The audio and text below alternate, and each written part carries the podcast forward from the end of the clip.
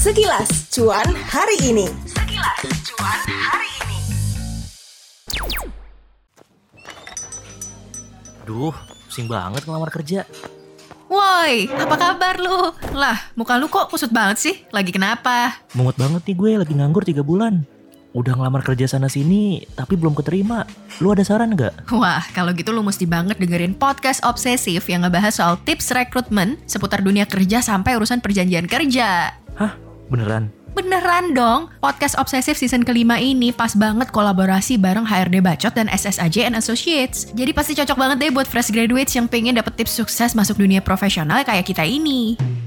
Buat kamu, para fresh graduates yang pengen tahu serba-serbi dunia kerja profesional, serta hak dan kewajiban karyawan dan perusahaan, yuk dengerin Podcast Obsesif, persembahan Medio by KG Media. Tiap Kamis dan Minggu, hanya di Spotify. Medio, senior cerdas tanpa batas.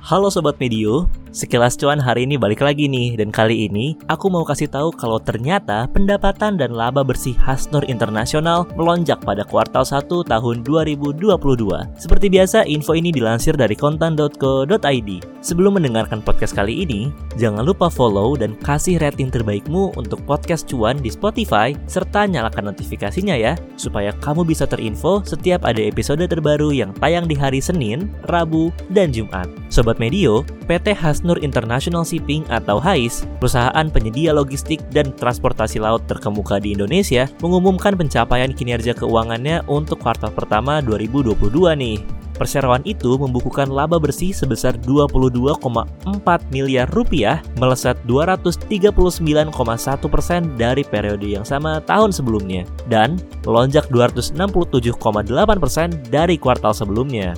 Direktur Keuangan dan Administrasi PT Hasnur International Shipping Novian Fitriawan mengatakan kalau pencapaian ini mengindikasikan kalau perusahaan udah ngejalanin strategi dengan benar untuk mencapai pertumbuhan bisnis sebesar 5 hingga 10% di tahun ini. Nah Sobat Medio, pada kuartal pertama tahun ini, HAIS juga mencatatkan pendapatan sebesar 141,3 miliar rupiah meningkat 81,7% dari periode yang sama tahun lalu. Novian Fitriawan juga bilang peningkatan permintaan pengangkutan batu bara domestik dan banyaknya pelayaran long towing di awal tahun turut mendongkrak kinerja perusahaan. Sepanjang kuartal 1 tahun 2022 aja nih, HAIS berhasil mengangkut 1,70 juta muatan kargo. Banyak banget ya Sobat Medio. Nah itu dia sekilas cuan hari ini. Informasi selengkapnya bisa kamu cek di kontan.co.id. Terima kasih buat kamu yang sudah mendengarkan episode cuan kali ini. Jangan lupa follow Instagram at Medio by Media dan at Kontan News atau kirimkan saran ke email podcast at kgmedia.id.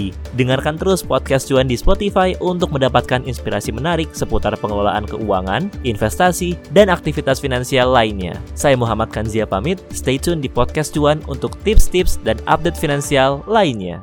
Itu dia sekilas cuan hari ini.